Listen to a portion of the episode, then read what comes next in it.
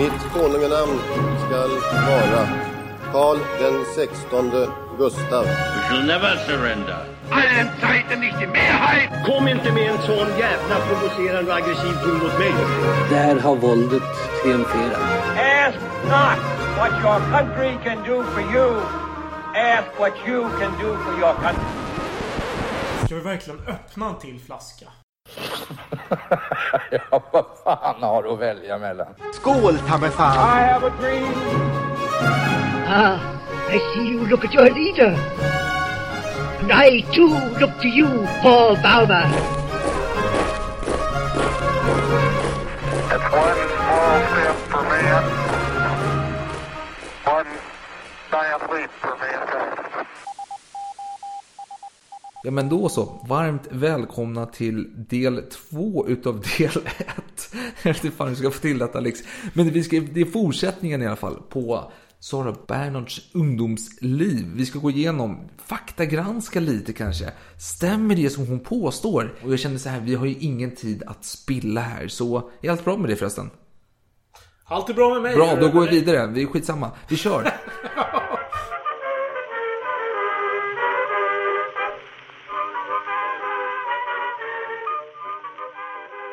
För att ta en sammanfattning på föregående avsnitt. Sara växer upp i Bretagne eh, hos någon eh, nanny. Eh, hon skadar sig mycket, ledsen. Hon är bräcklig, hon är jävlig, hon är allt möjligt. Och eh, hon är med om massa dramatiska öden där hon svävar mellan liv och död. Hennes mamma är alltid borta. Hennes pappa är i Kina, men kommer på besök ibland och säger lite viktiga saker, men han har nu dött. Och då säger vi Alex, vad säger vi om hennes historia? Ja, vi har ju en historia som jag har berättat hittills och det är ju vad hon själv säger. För att säga att man är en dotter till en prostituerad judinna och en namnlös torsk var väl inte så smickrande i Frankrike kring sekelskiftet. Nej, men... men Låt mig fortsätta här. Biografin skrevs 1907. Och det var ju strax efter Dreyfusaffären. Och hon ville ju kanske även nå ut till antidreyfusarer för att använda den termen. Men, men, men vänta Alex, vänta, om vi börjar Ja. prata om Dreyfusaffären. Vi har ju pratat Ja. lite om det i Tour de France avsnittet.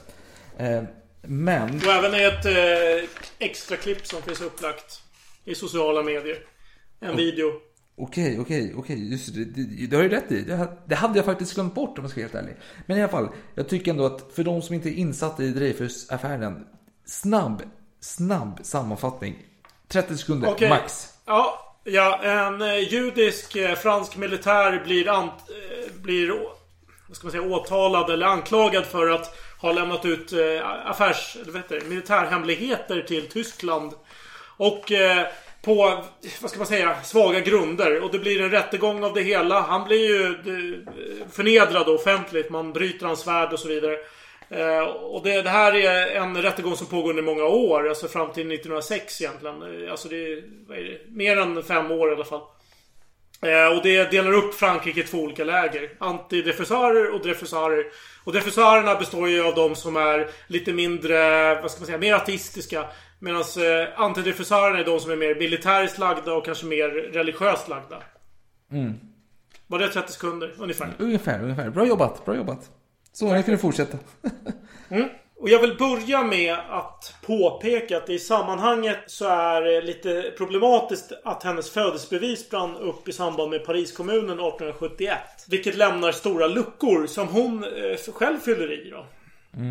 Eh, Det påstås att hon föddes som, eh, med namnet Henriette Rosine Bernard. Vilket i sig är väldigt intressant. Alltså, Henriette är ju en av de här mostrarna. Och Rosine är också en av mostrarna. Det låter ju ändå ganska sannolikt att, att föräldrarna helt enkelt inte hade bättre fantasi än att Okej, de där två andra hette Henriette Rosin. Nej, men jag orkar inte. Vi kör Henriette Rosin på den tredje. Eh, nu antar jag att hon var den tredje dottern, men, Men jag men det- är det- osäker. Vänta, v- vem var tredje dottern? Eh, alltså modern till eh, Marie, eh, modern till Sara. Hon som hette Jol. Ja, hon kallades för Jol. Ja, fast det var det fransk, förfranskade namnet. Hon hette väl Judith egentligen. Och Jo. sen hade hon även Julie som, som Precis. namn. Nej, men, jo, men hon var barn nummer tre. Hon var ju alltså, det fanns två yngre och två äldre. Mm, ja men då tycker jag att det... Ja, kanske stämmer då. Om Det de stämmer. äldre... Fast, fast vänta nu, de två äldre. För du hade en som var 28 år där när hon var 3 år. Så det, Ja. det, Men alltså, så här. någonting som inte riktigt... vä- vänta, ja. vänta, lite. När Sara börjar sin berättelse så är hon tre år. Hennes mamma Mm. var då 19. Hennes mostrar var Stämmer. 15, 17, 20, 28. Så mamman var 16 när hon födde Sara. Ja, precis. Men okej, vi, vi, vi säger att hon hette Henriette Rosin. Jag tror att det ändå är det officiella storyn, att hon hette det. Eh, det då är det anmärkningsvärt att hon i sin självbiografi redan ljuger på sida 1. Där hon säger... Där hon stoppar en replik i munnen på någon person där som säger att, att de sa Sara. För Sara var ju någonting som tillkom först när hon tog sitt artistnamn och det var ju långt senare. Ja. Eh, men jag har forskat lite kring hennes eh, familj. Pappan omnämns ju väldigt kortfattat i boken. Han, han benämns som att han var ståtlig och vacker som en gud och hade en behaglig förförisk stämma. Och eh, ja, han var borta i Kina och sådär. Han, han dök upp lite då och då. Eh, och, och mamman Judith, ja som du sa då, hon var runt 16 år när hon fått eh, Sara. Sen hade den här uh, mostern Rosin och uh, mostern Henriette. Så jag, jag började kolla upp det här för jag tycker att alla källor är så jäkla motstridiga när det gäller Sara Bernhardt. Det är jättesvårt. Jag kollade runt lite. Jag hittade på Family Search som är en eh, släktforskningssajt. Som drivs av en eh, mormonsk... eh, Ja, mormonkyrkan helt enkelt. Det är väl det närmaste en seriös släktforskningssajt man kan komma. Och där påstås det att det är lite vagt då. Det finns en Edouard Bernard som var fader då till Sara Bernhardt. Och han ska vara född kring 1820. Död i Paris 1850. Så född och död i samma stad. Eh, Det här, den här källan får stöd av någonting som heter jewishvirtuallibrary.org. Eh, om det nu på något sätt säger någonting. Eh, och eh, i självbiografin så nämns ju faderns död mot slutet av hennes tid i konventet. Så man kan gissa sig till att hon är cirka 14 år när det händer. Kanske tidigare i och för sig. Men det skulle ändå placera hennes faders död till cirka 1857 eller däromkring. Och det stämmer inte så bra med uppgiften om 1850. Och eh, enligt självbiografin då så ska pappan ha varit i Kina ett par år när hon var tre år gammal. Eh, och vad han gjorde där skriver hon ju själv att hon inte vet. Nej. Men faktum är att allting det här, av, av det jag har sagt har ingen betydelse. För allt det där är fake. Mhm. Åtminstone om man ska tro Harmen Snell. En arkivarie i Amsterdams stadsarkiv sedan 1981. Som forskade om hennes rötter och skrev boken The Ancestry of Sarah Bernard. A Myth Unraveled år 2007. Och denna Harman, han är känd från tv-programmet Who Do You Think You Are? Producerad av BBC. Och verkar rent allmänt eh, vara en seriös person. Så att det, man ska nog inte helt avfärda honom här. Du tänker så här, funkar han för BBC så funkar han för salongsbrusad historia som källa. Ja, han har ju alltså han har ändå jobbat på det här stadsarkivet sedan 18 1981 när han fått sparken. Så jag tänker ju att han måste vara ändå ganska seriös. Ja. Med det sagt då så gör Harman inte direkt skäl för sitt efternamn. När han rannsakar Saras liv. Ska låta er smälta den här meningen en en liten stund. Mm. Harman är snäll. Mm. Harman är snäll. Mm. Harman är snäll. Ah. Jaha. Ja, nu fortsätter vi. För där ska det framgå, och jag har själv inte läst boken så jag lämnar det obekräftat. Eh, Att i samband med att hon skulle motta den franska hederslegionen som skedde 1914. Då eh, var ett krav då att hon skulle bevisa att hon är fransk. Mm. Så hon förfalskade därför, enligt den här boken då, sitt födelsebevis. Och hittade på namnet Edouard Bernard. Och påstod att han var en juridikstudent som kom från Le Havre. Ja. Och likaså hittade han på sin mammas efternamn Van Hard. Som skulle ha hetat Judith Van Hard. Ja, precis. Självklart så kan jag inte bara lita på en, en sån källa utan att ens ha läst boken. Så jag kollade lite vidare. Och då påstår en annan källa att det var hennes morbror, eh, eller farbror, eh, Edouard Bernard som skrev under dopcertifikatet när hon var 13 år. Precis. Och då påstås det att hennes pappa skulle ha hetat Morell eller Demorell. Och var någon, studerade för att bli sjöofficer. För den här eh, de Morell-familjen, de var tydligen eh, skeppsägare. Så de hade en koppling där till havet och så. Och det förklarar ju ändå det här med Kina, tänker jag.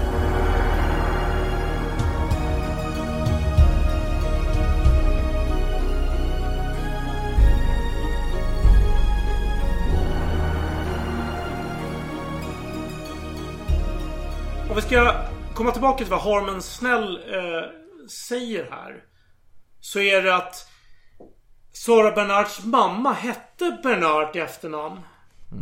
Men hade ingen H i eh, stavningen. Bernard... Ja. Eh, och han har till och med identifierat hennes morfar. Som heter Moritz Bernard.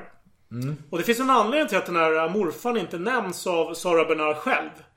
Och det är att det påstås att den Moritz var en skojare och kriminell. Det sägs att han var en ficktjuv och han var en rånare. Ja, han stal till och med från kyrkor. En sån sak. Otänkbart, otänkbart. Ja. Ja, han var även misstänkt för en stor juvelstöld från ett kungligt slott år 1829. Och eh, det var allt som den här källan sa. Jag var ju tvungen att kolla upp det här lite mer. För jag är ju lite nyfiken. Eh, Och mycket riktigt. Ja, jag vill, jag vill också påpeka att han var smart nog att komma undan och blev aldrig åtalad för detta. Det, det säger källan. Eller ja, eh, det säger väl då, vad heter han, eh, Harmen. Eh, jag kollade upp det här lite grann. Jag vill ju veta mer om den här stölden. Det låter jätteintressant. Det låter ju som taget från Arsène Lupin.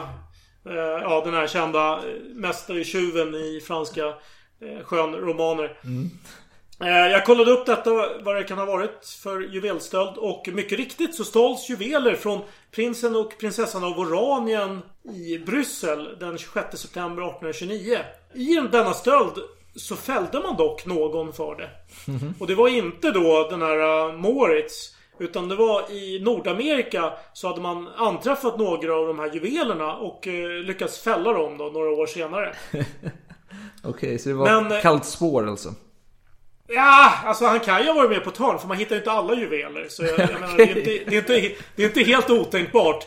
Och, och jag vill ju ändå påpeka då att den här Harmen Snäll verkar inte vara en antisemit. För det, det, man kan ju lätt kanske tro det då eftersom i och med att det handlar om en, eh, en, en judisk man då. Och, eh, och att han får en massa anklagelser som inte går att bekräfta. Det, det låter lite så här antisemitiskt.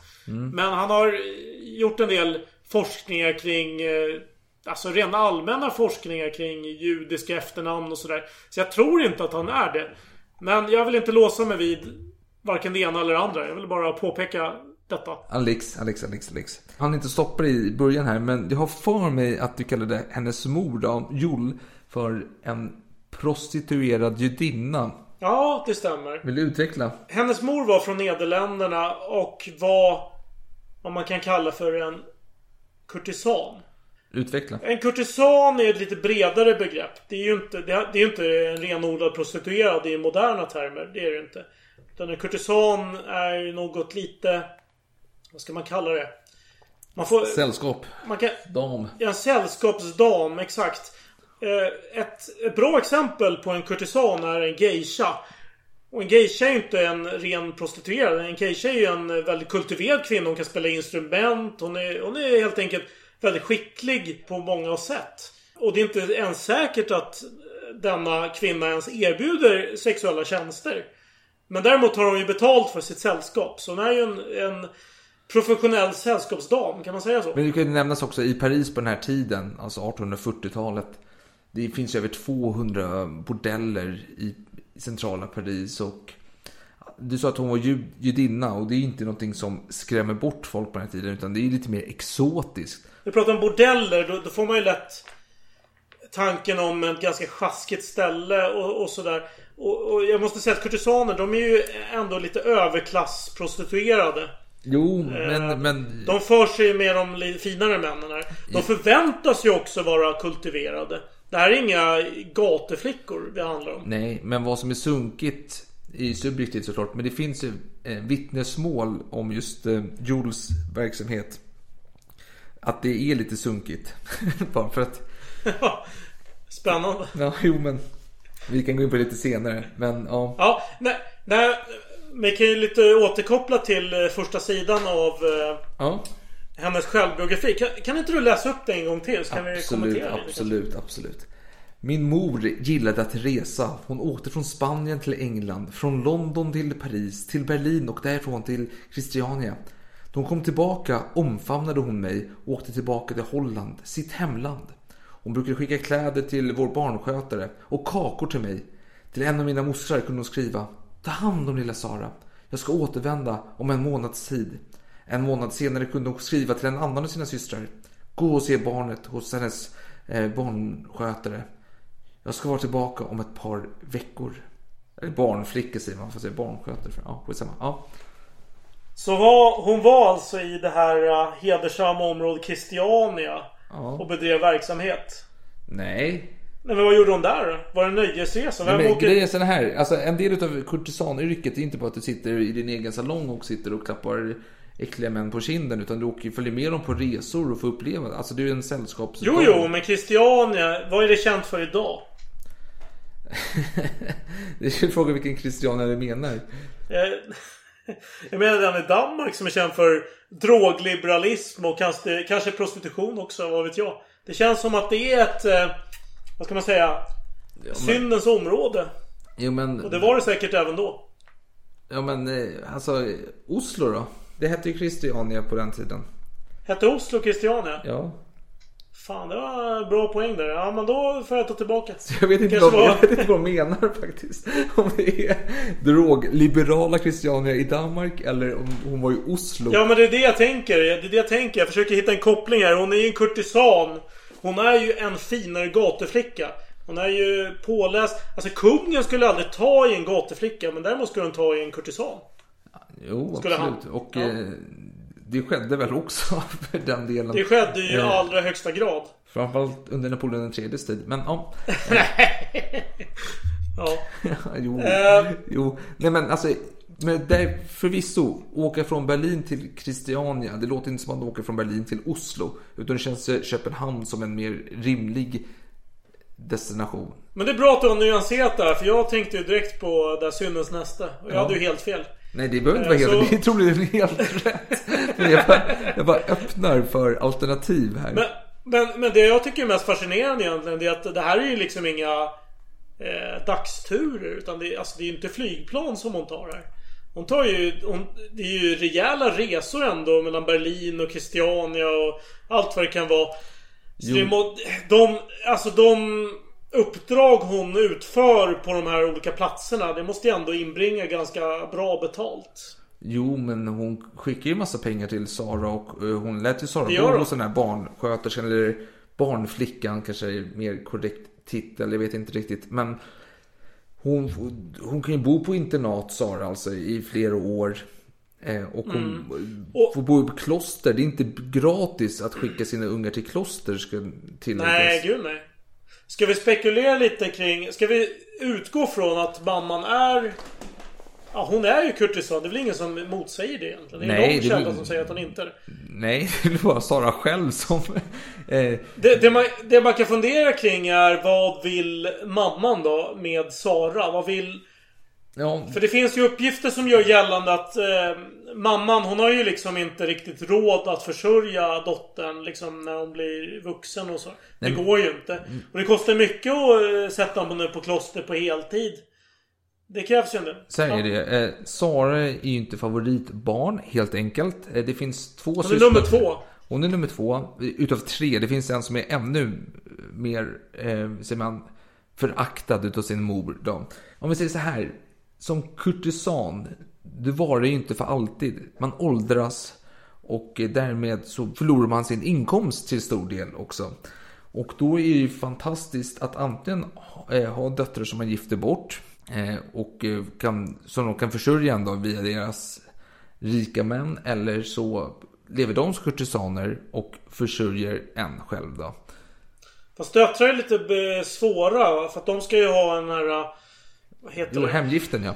Eh, Hemgiften. Den är ju dyr. absolut, men eh, Saras pappa har ju ordnat med den eh, egentligen, så det är inga problem. Men däremot... Ja, en däremot man som inte vet någonting om.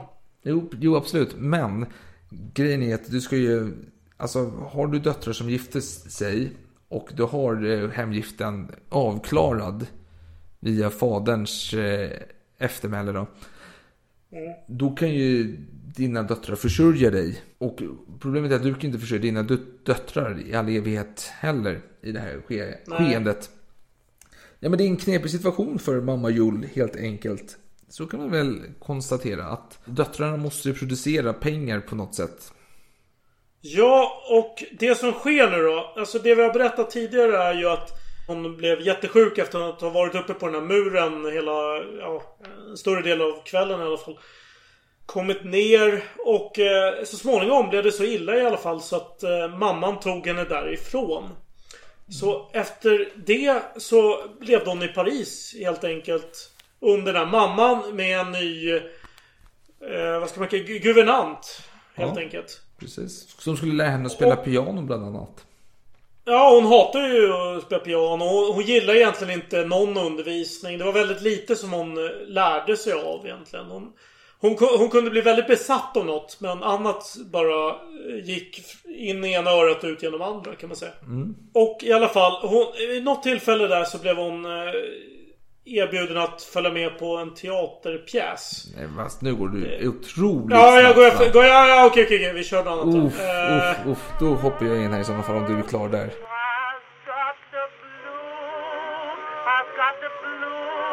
I've got the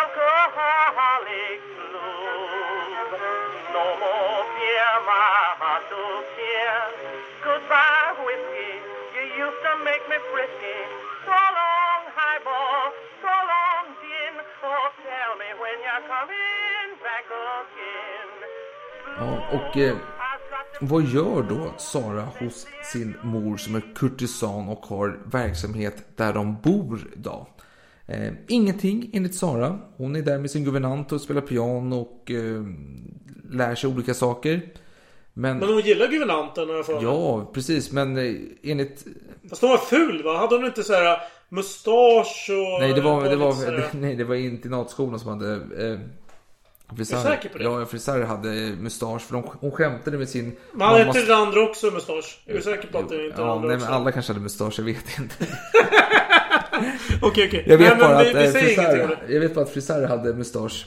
När guvernanten, eh, Saras mamma ville att hon skulle bo hos dem.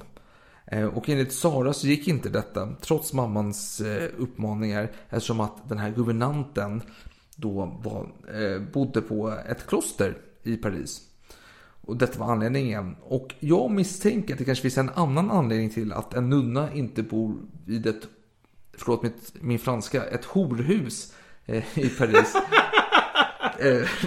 jag vet inte. Men i alla fall. Eh, på 1800-talet eh, slut så fanns det skvallertidningar. Och en skvallertidning skrev om familjen Bernhardt. Och då skrev de så här. Sara Bernhards familj. Där har vi en familj. Hennes mor gjorde sina döttrar till horor så fort de fyllde 13 år. Eh, och eh, Sara hade en vän då under senare tid i livet, eh, under själva, när hon höll på att eh, försöka bli eh, skådespelerska, som svek henne. Eh, hon skrev ut en bok om den mörka sidan om Sara. Då. Den här otänkbara sidan, den som Sara uppenbarligen, enligt henne, då, försökte dölja. Eh, om just det här med kurtisanlivet.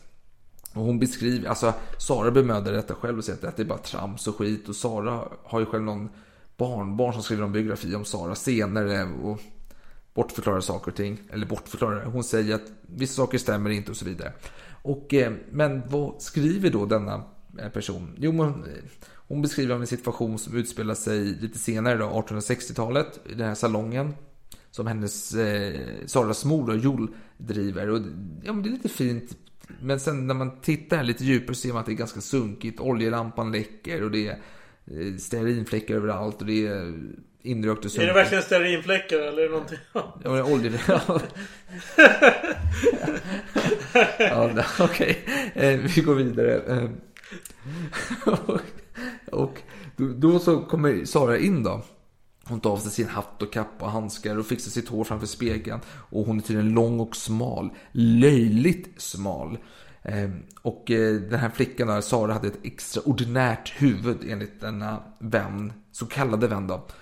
Och hon skriver vidare att hennes eh, profil det var linje av re- renhet som var mjukare och mer förfinad version av hennes moders mer judiska drag. Det var lite så antisemitiskt den här Oj, skriften. Ja. Och bla bla bla. Det bla, låter bla, det. bla, bla, bla, skriver vidare. Och plötsligt så kommer Schulda, mamman, in med en gammal gentleman som alla lite så här viskar kring då. Och eh, sen ger mamman en befallande blick till Sara och Sara hoppar in i hans famn och säger så Åh, kära monsieur Reggie, min kära goda vän. Och så sitter hon och flörtar lite med honom och klappar honom på kinden och så vidare. Eh, och eh, hon gör ju ingenting mer än att pussa honom lite på kinden och eh, smickra honom. Den som har ett bra minne minns ju Reggie från föregående avsnitt. Det är ju hennes gudfar. Och även ryktas vara hennes far. Eh, Men detta är inget konstigt. Det är i Frankrike som sagt på 1800-talet. Och detta var väl kanske vanligt. Vad vet jag, Alex? Frå- Frågan är om farn ens vet att han är far. Ja. Eller om modern ens vet att vem som är far. Konstigt är ändå att hon ska sitta och flirta med sin gudfar. Det är väl kanske det man ska reagera på Alex. Inte Ja, jo visst. Jag, jag, jag är ju liksom eh, släktforskare så, så det, jag reagerar ju mest på det. Men Precis, kör, precis. kör du. Ja, nej men så det... Ja, lite obekväm känsla här och det, och det fortsätter och de sitter i måltiden och de tjafsar lite och så vidare. Men eh, Regira, han eh, gillar Sara och klappar henne på kinden och tycker hon är så trevlig och ung och fin och så vidare och så vidare.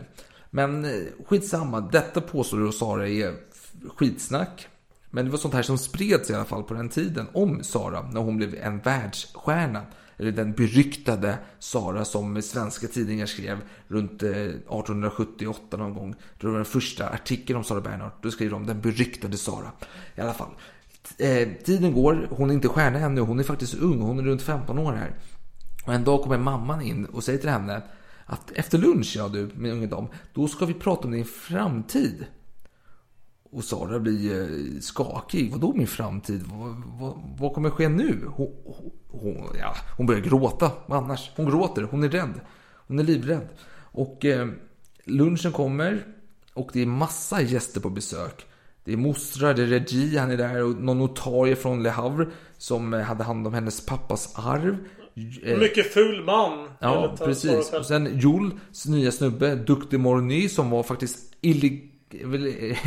Bastard... eh, Nej, vad säger man? Han var illegitim broder till eh, Napoleon den tredje. Ja men det är en bastard. Ja. Duk, det är ju hertig va? Precis, precis. Fin, fin titel. Så det är lite kul. Eh, Och han sitter där, han är med. Och de diskuterar hennes framtid och eh, hennes syster retar henne för att hon grät tidigare under dagen. Och då frågar någon så här, varför grät du för? Och Sara svarar inte. Och då svarar mamman att, nej men jag berättade att vi skulle prata om hennes framtid. För vad är det hon ska göra sig? Jo, hon måste ju gifta sig. Hon har haft, haft ett erbjudande tidigare om att gifta sig. Och hon, hon fattade inte varför hon skulle gifta sig. Så hon hade en friare som hon tackade nej till. Och han sa så här, men vadå, är det något... Varför? Jag älskar ju dig, varför vill du inte gifta dig med mig för? Ska jag ändra mitt erbjudande till dig?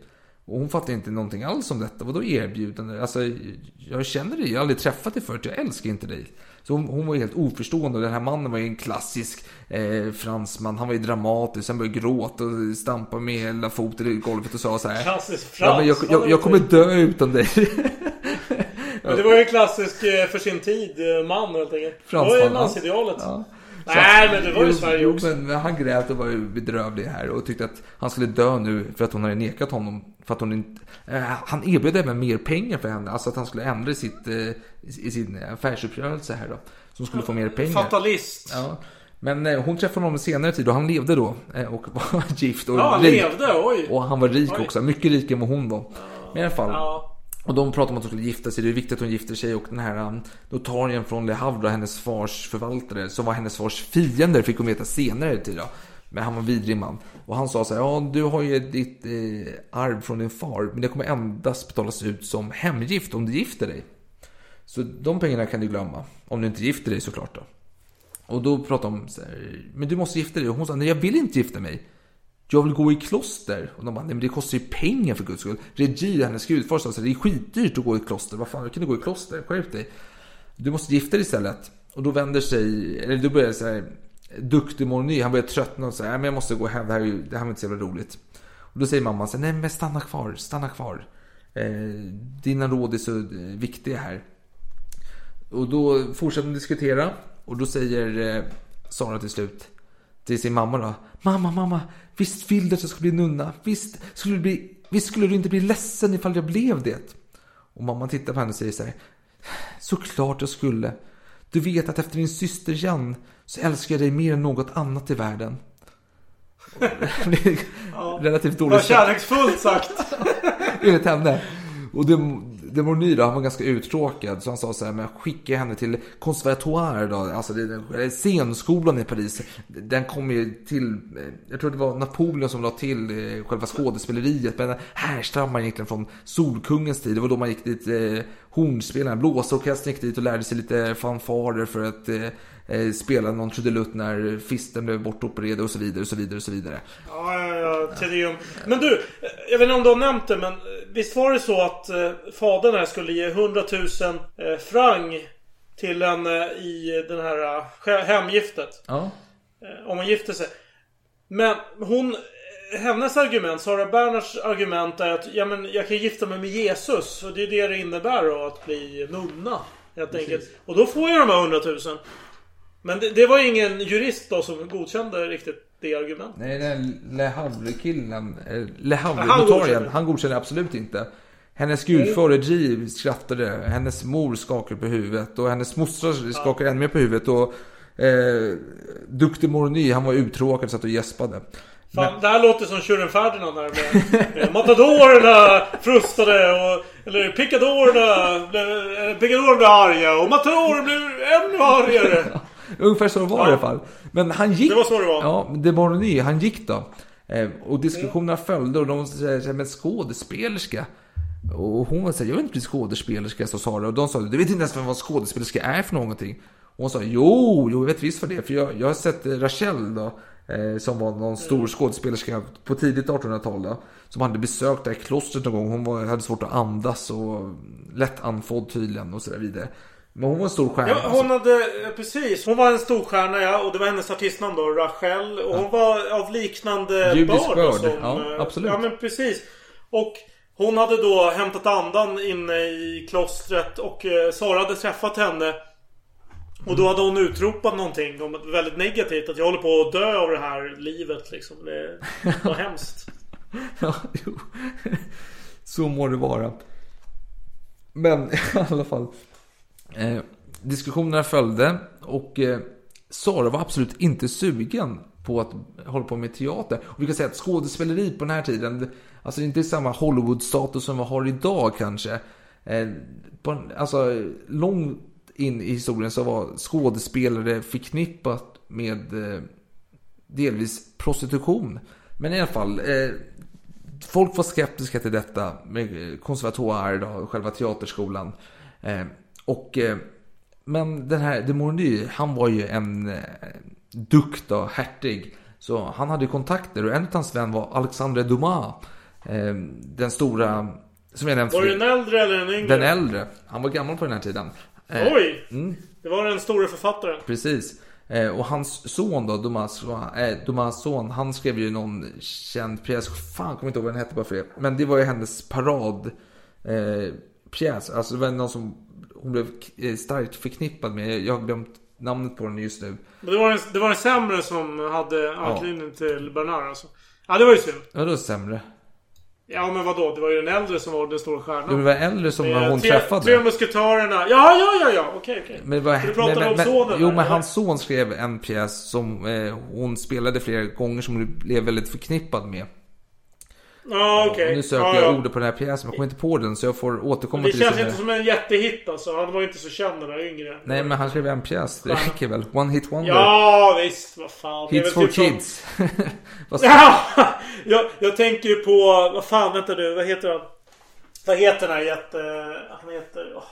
Han som har tusen söner nu i Hollywood. Skarsgård. Ja, precis. Det är som Stellan Skarsgård, den yngre liksom. Vem fan bryr sig? Okej. Men.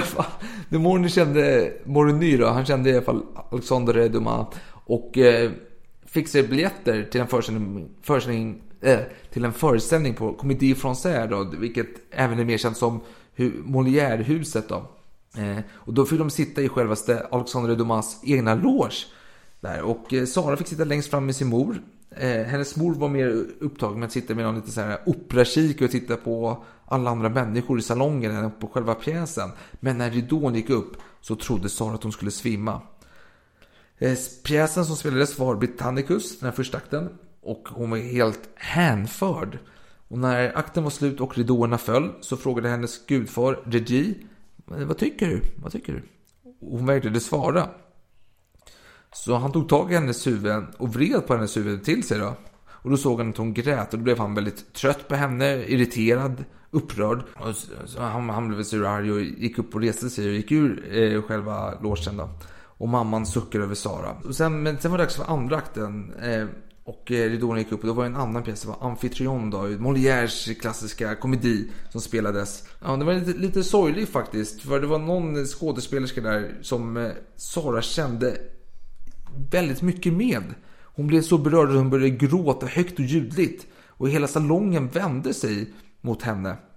Och Det loge. är anmärkningsvärt för den här, den här pjäsen är alltså en komedi. jo men Molière Ja. berörde på djupet uppenbarligen. Ehm, Ja, uppenbarligen. Ja. Och hennes mor blev rasande och förde ut Sara ur logen och hennes gudfar Reggie han sa Hon borde bli tystad i ett kloster och lämnas där. Gode gud vilken liten idiot den ungen är. Och det var ju hennes, som hon själv sa, det var min debut för min konstnärliga karriär.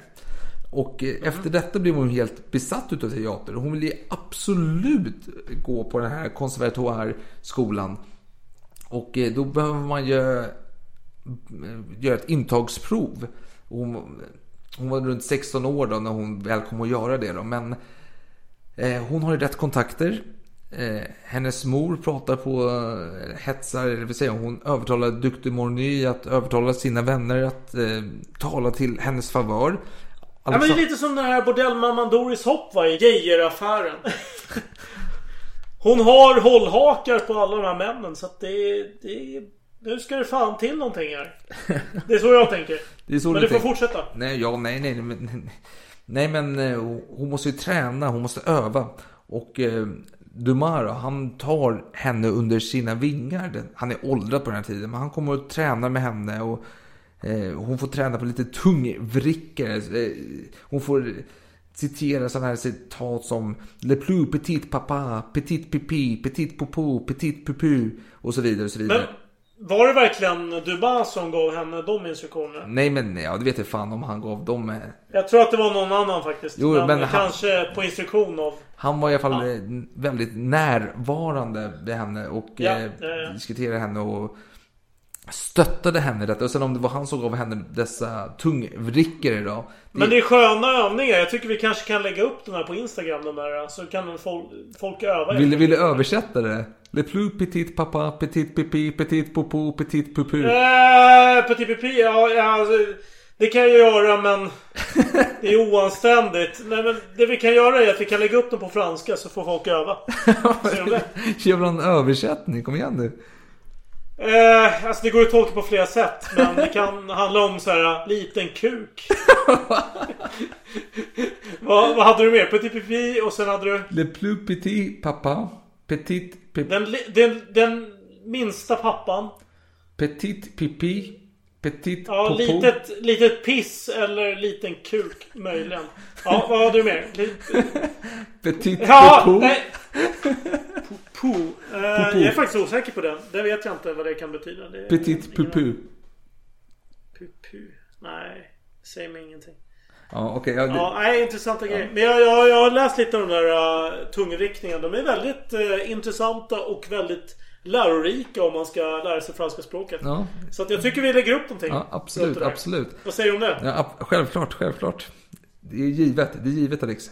Men eh, i alla fall, hon övar, hon måste ju träna, hon är inte skolad inom eh, den eh, teaterscenen, alltså hennes motståndare som söker till den här eh, skådespelarskolan, de är, de är ju, vad säger man, de har ju tränat sedan de var spädbarn mer eller mindre. Ja, och, och kanske man ska nämna ändå syftet med de här övningarna är att man ska lära sig kanske mer åt sånghållet hur man ska artikulera sig på ett dramatiskt sätt och kanske kunna hålla en jag ska inte säga ton för det är inte riktigt sång men du förstår vad jag menar. Det är lite hur man ska uttrycka sig Mm. på scen. Absolut. Men hon är i underläge helt enkelt. Hon är en naturbegåvning förvisso. Men hon har inte haft den träningen sedan barnsben som hennes motståndare har helt enkelt. Hon ansöker väl till den här konservatoirskolan. Och ja, hon kommer in. Och mer om hennes skådespelarkarriär får ni höra om i nästa avsnitt. Och eh, gå in på Instagram och titta där så får ni se lite franska tungvrickare. Förhoppningsvis har vi en översättning från dig Alex då. Det är, Vad ska vi med det till? men man, det är kul att veta vad man säger tänker jag. Ja, jo okej Dock lite oroväckande man alla pratar fall- om pappa och liten kuk i någon tungvrickare på franska. Jag vet inte riktigt. Okej. Du har en poäng, du har en poäng. Du kanske inte ska köra de här tungvrickarna ute på stan om du inte vet vad du säger. Nej men okej, vi, jag tar till mig av den kritiken. Men du, tack så jättemycket för denna gång Alex. Jag hoppas att nästa gång vi spelar in, kanske inte så troligt, men jag hoppas att vi snart kan sitta i samma rum och dela en flaska vin tillsammans när vi gör detta. Ja, med den här flaskan hoppas jag för jag har faktiskt tömt min här helt på egen hand. Ja. Utan större problem. Jo, det ekar tomt i mitt glas också, men väl, väl, väl. Vi hörs igen om någon vecka. Två veckor blir väl vanligtvis. Det brukar vara två veckor. Eh, À la prochaine! skålar vi för.